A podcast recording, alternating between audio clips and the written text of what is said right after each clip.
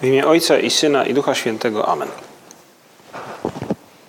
Panie mój i Boże mój, wierzę mocno, że jesteś tu obecny, że mnie widzisz, że mnie słyszysz.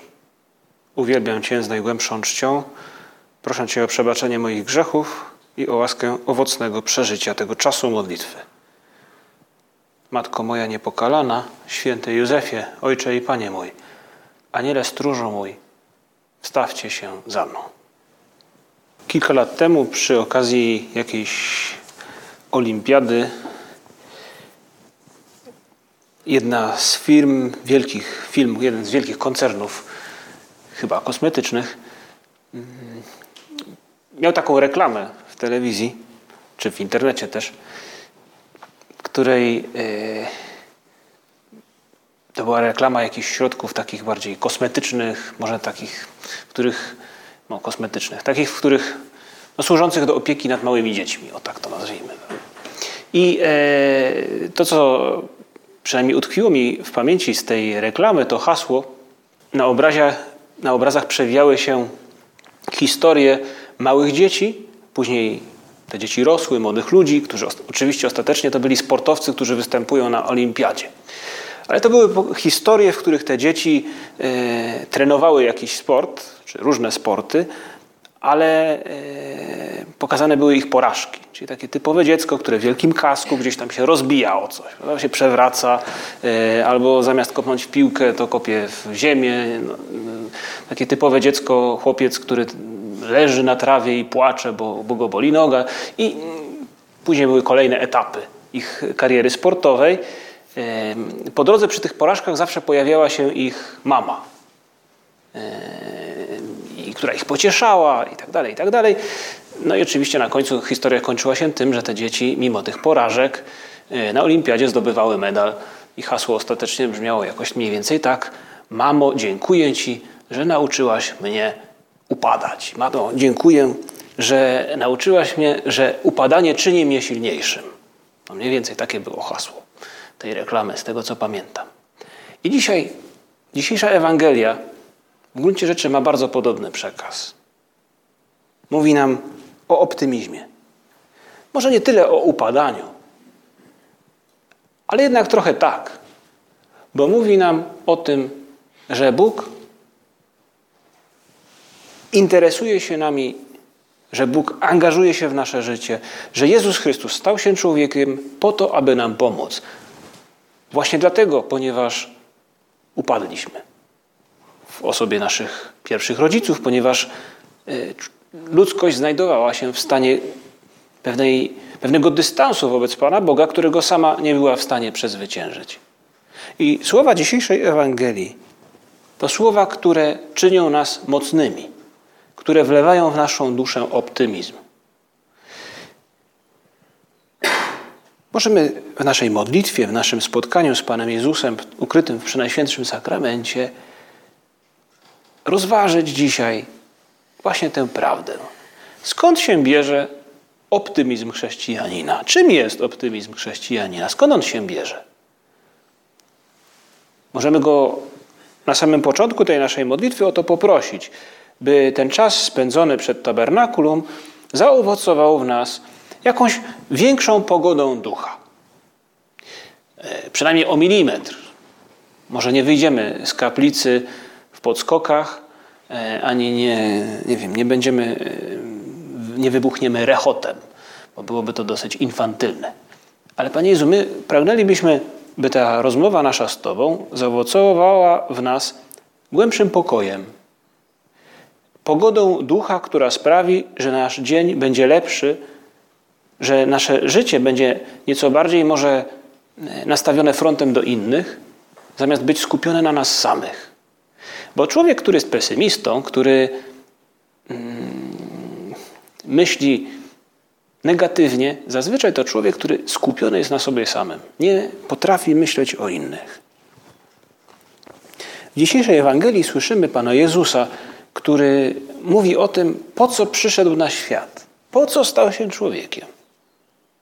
I mówi w ten sposób. Tak przekazuje nam święty Jan te jego, te jego słowa. Ten, kto we mnie wierzy, wierzy nie we mnie, lecz w tego, który mnie posłał. A kto mnie widzi, widzi tego, który mnie posłał. Ja przyszedłem na świat jako światłość, aby nikt, kto we mnie wierzy, nie pozostawał w ciemności. A jeżeli ktoś słyszy słowa moje, ale ich nie zachowuje, to ja go nie potępię. Nie przyszedłem bowiem po to, aby świat potępić, ale by świat zbawić. Kto mną gardzi i nie przyjmuje moich słów, ten ma swego sędziego.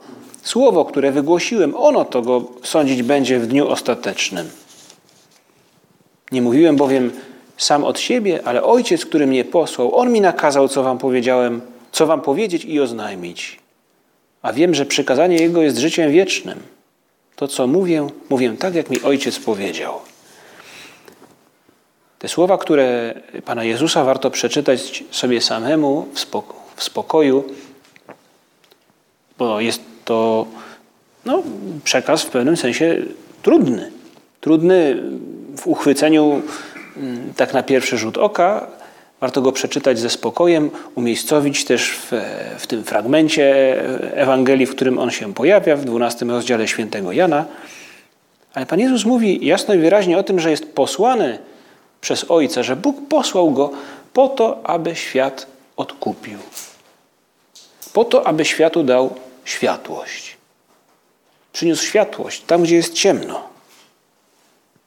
Przede wszystkim to, co Jezus Chrystus mówi każdemu z nas, to to, że każdy z nas jest niesłychanie cenny. Że na każdym z nas Panu Bogu, Bogu Ojcu, niesłychanie zależy, bo posyła, aby nas odkupił to, co ma najcenniejszego, tego, którego ma najcenniejszego, swojego Syna. To po to Jezus Chrystus jest tu na ziemi. I ta prawda powinna w jakiś sposób nas uderzyć. Bo wielu z nas siebie nie docenia. Jedna z przyczyn naszego pesymizmu to jest nie być do końca świadomym tego, jaką mam wartość. To normalne, że jak człowiek obleje jakiś egzamin, no to czy coś mu nie pójdzie poważniejszego w życiu, no w pewnym sensie jest mu źle, ma o sobie przez jakiś czas może nie najlepsze mniemanie. W normalnej sytuacji to bardzo szybko mija. Bo odnosimy też w życiu różnego rodzaju sukcesy. Ale takie głębokie niezadowolenie z siebie także się zdarza. I często skutkuje negatywnym podejściem do innych, pesymistycznym spojrzeniem na rzeczywistość, zniechęceniem, narzekaniem. Dziś Jezus Chrystus mówi nam o tym, że choćby tak po ludzku często w naszym życiu było nie najlepiej, to jest jedna prawda o nas, która jest w stanie nasze życie zmienić, punkt widzenia przynajmniej y, w naszym życiu nieco przekrzywić, wlać właśnie nieco światła w tę sytuację, która może wydawać, wydawać nam się po ludzku ciemna. To prawda o tym, że Bogu na mnie zależy. Że Bóg posyła swojego syna i nie po to, aby mi coś wyrzucał, nie po to, aby powiedział mi, rób tak, a jak nie, to cię nie kocham, ale po to, by powiedzieć mi, zależy mi na tobie. Popatrz na moją miłość. Popatrz i dopiero wtedy, gdy ją zobaczysz, czyń w zgodzie z tym, co zobaczysz. Spróbuj na nią odpowiedzieć. Panie Jezu, ten fragment z Ewangelii jakby nam podpowiada, mówi nam o Bogu, który niczego nie narzuca, choć jest wszechmocny i racja jest po jego stronie, to jednak Bóg w pewien sposób insynuuje jedynie, zachęca. Mówi: Popatrz, popatrz, jakie to jest wspaniałe. Nic nie czujesz? Popatrz. Jezus Chrystus, przekazując nam tę prawdę o Bogu, który jest tak żywo nami zainteresowany, mówi nam: wykorzystaj tę szansę. Życie człowieka, który odwzajemnia miłość, to życie wymagające, ale na koniec życie szczęśliwe.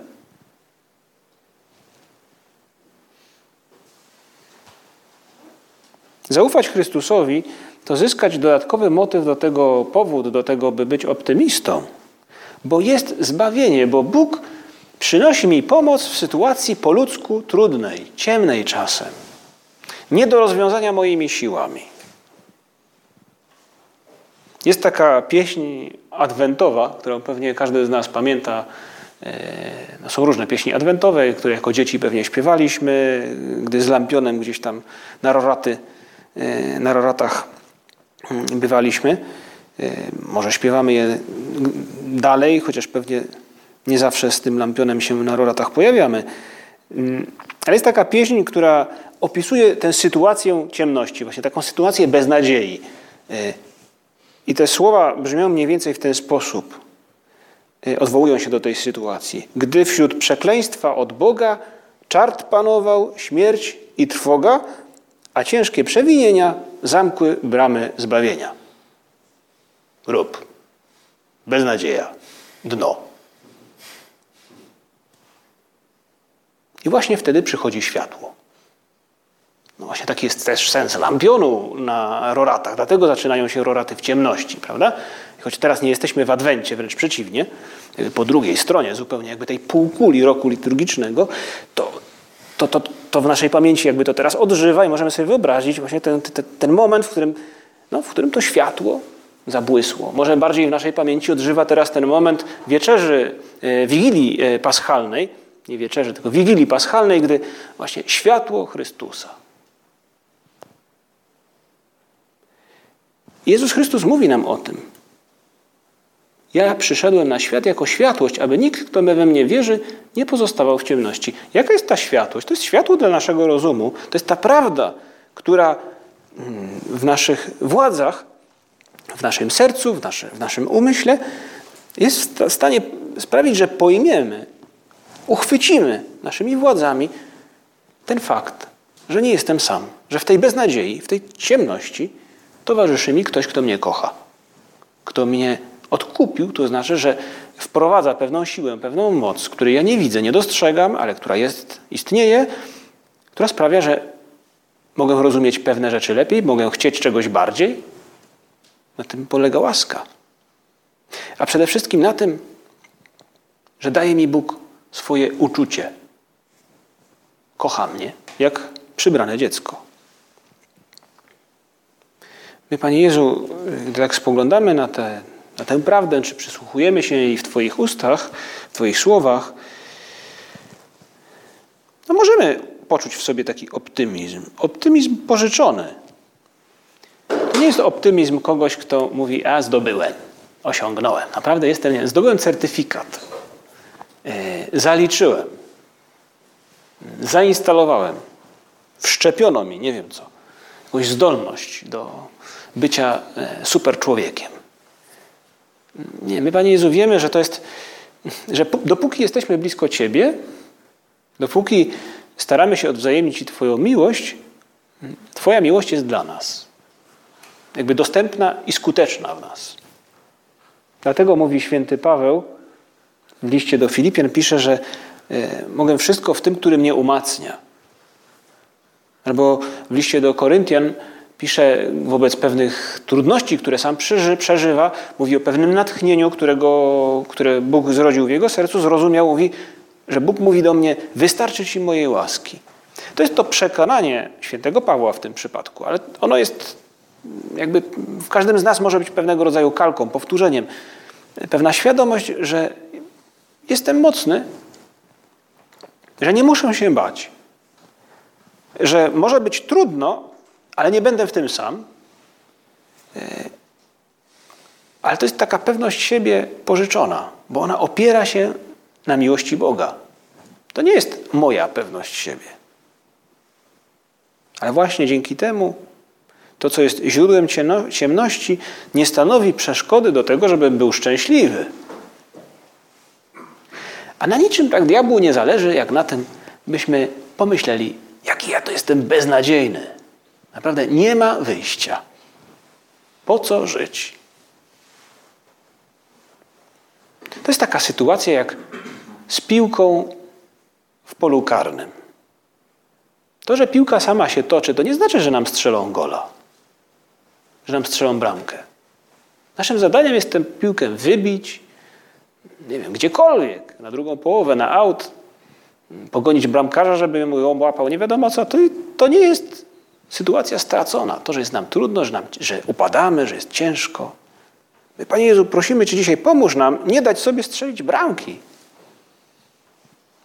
Nie pozwól, żebyśmy pogrzebali się w stęchliźnie pesymizmu.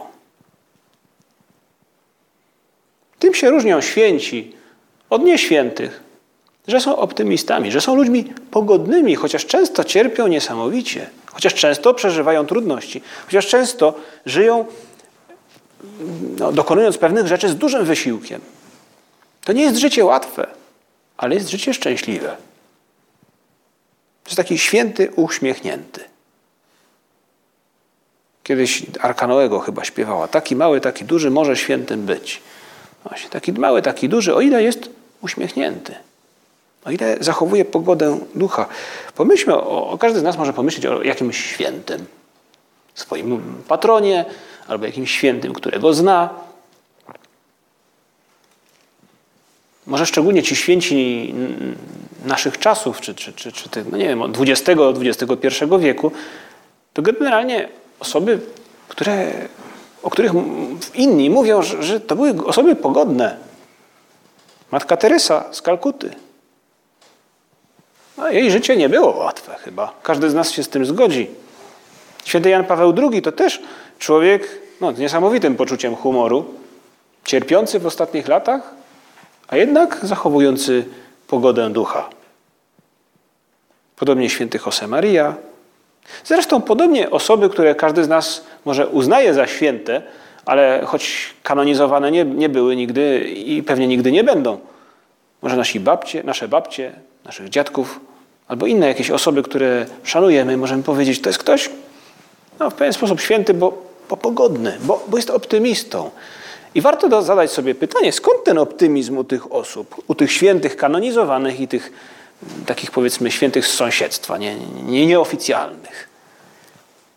Często ta pogoda ducha rodzi się z wiary, bardzo często.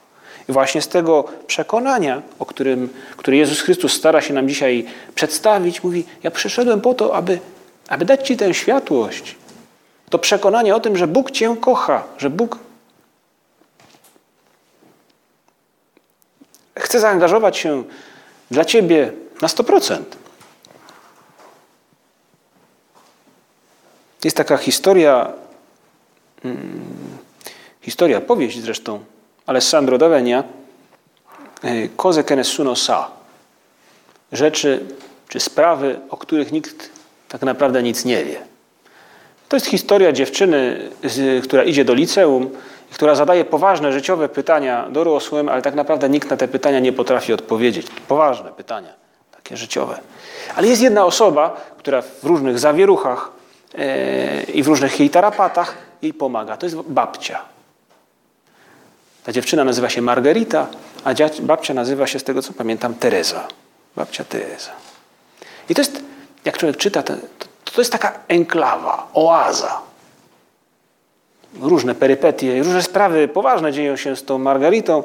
Ona przychodzi do babci, która pochodzi z Sardynii i babcia opowiada jej różne historie rodzinne, ale także potrafi ją w pewnych rzeczach utwierdzić. Właśnie taki ktoś, kto daje pokój. Mimo, że łatwo jej w życiu także nie było. Naucz nas, Panie Jezu, takiego optymizmu ludzkiego i nadprzyrodzonego. Wzmocnij może ten ludzki optymizm, taki typowo polski, prawda? Jakoś to będzie, jakoś to będzie, jakoś to będzie. Wzmocnij go naszą wiarą. Tym zrozumieniem Twojego zaangażowania w nasze życie. Jakże smutna jest historia i, i życie też pesymisty. Pesymista walczy z wiatrakami. No albo już nie walczy. Pesymista to jest człowiek, w którego sercu jest gorycz. Gorycz, widzi wszystko na czarno. Pesymista to człowiek szorstki dla innych. W gruncie rzeczy egoista, bo czemu innym miałoby być lepiej niż mi? Dlatego jest szorstki zazdrości często. Albo po prostu skupiony jest na swoich sprawach. To ktoś, pesymista to ktoś, kto nie szanuje wolności innych, ktoś, kto nie umie się uśmiechać. W gruncie rzeczy pesymista to człowiek zdany na własne siły, bo tak chce. To jest wolontarysta często. A więc człowiek, który chce osiągnąć wszystko swoimi siłami. I jasne, jako wolontarysta tak naprawdę roztrzaskuje się o mur. Bo my, Panie Jezu, odkrywamy, doświadczenie życiowe nam to mówi, że własnymi siłami nie jesteśmy w stanie osiągnąć wszystkiego. Możemy po ludzku osiągnąć bardzo wiele, ale stajemy wobec pewnych pytań, pewnych wyzwań, na które odpowiedzieć po ludzku nie potrafimy i które prowokują w nas niesamowity ból i cierpienie, bo my z natury dążymy do prawdy. I ta nieumiejętność osiągnięcia pokoju własnymi siłami, ten wolontaryzm wzmocniony sentymentalizmem, o, popadam w depresję, bo mi się nie udaje, sprawiają, że człowiek pogrąża się coraz bardziej właśnie w tym marazmie, w tej goryczy. A my dziś, Panie Jezu, chcielibyśmy nauczyć się optymizmu. Bo człowiek optymistycznie nastawiony, człowiek z pozytywną wizją świata, człowiek, który daje pokój innym, który też ten świat jest w stanie zmieniać, a my chcemy zmieniać świat naszą pracą chociażby. Przemieniać świat na lepsze, wynajdywać dobre rzeczy, doskonalić pewne sprawy, odkrywać. Jest tu wielu inżynierów. Dla inżyniera, czy przyszłych inżynierów, no, dla inżyniera y, sprawić, że coś działa, to jest wspaniała rzecz. Odkryć coś dla naukowca, zbliżyć się do prawdy, to jest coś pasjonującego. To jest w pewnym sensie wytworzyć nieco więcej dobra we wszechświecie. To po to żyjemy. Pesymista nigdy tego nie dokona, albo przynajmniej nawet jeśli mu się to uda, to będzie to lekceważył. Bóg mówi nam: Zobacz, ile szczęścia tracisz, jeśli jesteś pesymistą. Bogu bardzo zależy na tym, żebyśmy byli optymistami, żebyśmy się nauczyli optymizmu, bo e, dzięki temu damy radę uczynić wiele, wiele dobra. Aby nauczyć się tego optymizmu, czasem trzeba zaufać innym. Zapytać ich o radę, powiedzieć o czymś, co nam nie idzie. No, na pierwszym miejscu to jest też uderzyć w sferę wiary, a więc przypomnieć sobie o tej prawdzie, że Bóg w tej sytuacji także mi pomaga. Że Bóg daje mi łaskę, żebym sprostał tej sytuacji, nawet jeśli jest trudna i nawet jeśli nie rozwinie się tak, jak sobie ją wymarzyłem. Ale później pewne ludzkie gesty pomagają nam także nie myśleć o nas samych i być optymistami. Zaufać innym, zapytać o radę, być aktywnym wobec tego, co dzieje się nie tak, a więc właśnie nie, to, że piłka toczy się do mojej bramki w moim polu karnym, to nie znaczy, że do niej musi wpaść. Jeszcze mogę ją wybić. Jeden ze sposobów, by zmienić naszą strukturę wewnętrzną na bardziej optymistyczną, to walczyć z narzekaniem. Niektórzy mówią, że to jest nasz sport narodowy narzekanie.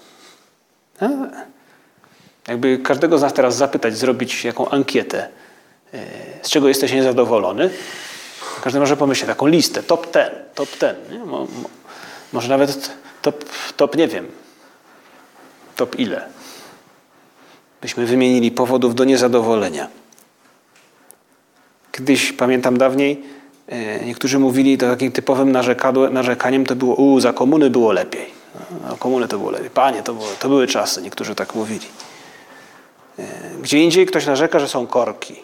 Gdzie indziej narzeka na wykładowców, e, na pogodę, na szefa w pracy, na teściową, na to, że internet nie działa, na to, że jest pandemia, na to, że na wszystko można narzekać. Autobus, panie, jak one jeżdżą, pociągi, panie, zawsze się spóźniają.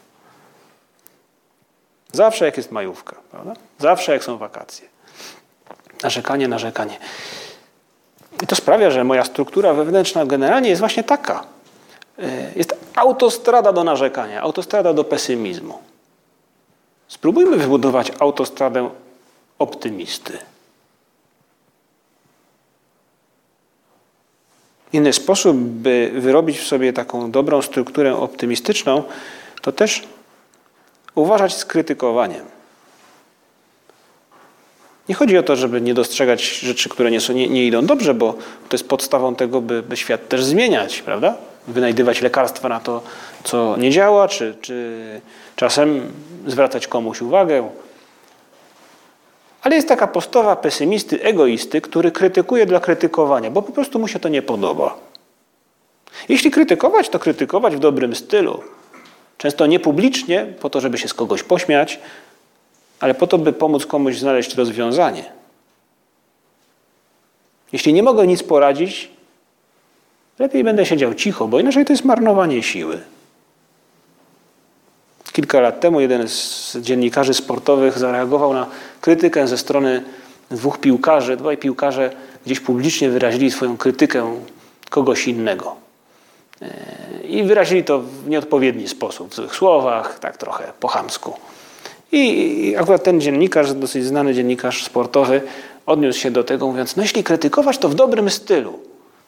I trzeba przyznać, że sam dosyć e, zręcznie skrytykował te dwie postacie ze świata sportu, mówiąc o jednym, że no szybciej biegał niż myślał, na przykład, e, czy że nogi szybciej pracowały niż jego umysł, e, i, a, o drugim też jakiegoś rodzaju kąśliwą, błyskotliwą uwagę, na błyskotliwą uwagę sobie e, pozwolił. No cóż, czasem nasze krytykanstwo tak naprawdę jest nakręcaniem naszego wewnętrznego pesymizmu. A my dzisiaj mamy okazję do tego, żeby sobie przypomnieć o tym, że powodów do bycia optymistą jest bardzo dużo. Ileż dobra jesteśmy w stanie uczynić, jeśli chwycimy się tej ostatecznej prawdy o Bogu, który nas kocha i który się angażuje i który jest przy nas, nawet jeżeli po ludzku jest trudno. Postanówmy sobie dzisiaj, e, może przez te nadchodzące dni, mniej narzekać, może mniej krytykować, może bardziej prosić o radę, ale przede wszystkim przypominać sobie o Jezusie Chrystusie, który nam mówi, że nie przyszedł po to, aby świat potępić, aby, ale, ale by świat zbawić. Po to, by przynieść światło w te sfery, które są ciemne. Światło optymizmu. Tego potrzebujemy, żeby w naszej pracy, w naszych zajęciach, w codziennym życiu uczynić wiele dobra. I prośmy o to światło, optymizmu także Maryję, Matko nasza. Daj nam takie zaufanie, jakie Ty posiadałaś.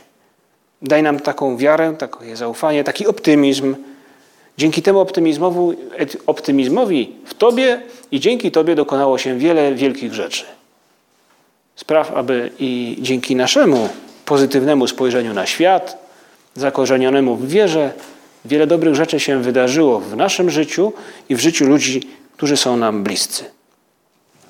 Dzięki Ci składam, Boże mój, za dobre postanowienia, uczucia i natchnienia, którymi obdarzyłeś mnie podczas tych rozważań. Proszę Cię o pomoc w ich urzeczywistnieniu. Matko moja niepokalana, święty Józefie, Ojcze i Panie mój, Aniele stróżu mój, wstawcie się za mną.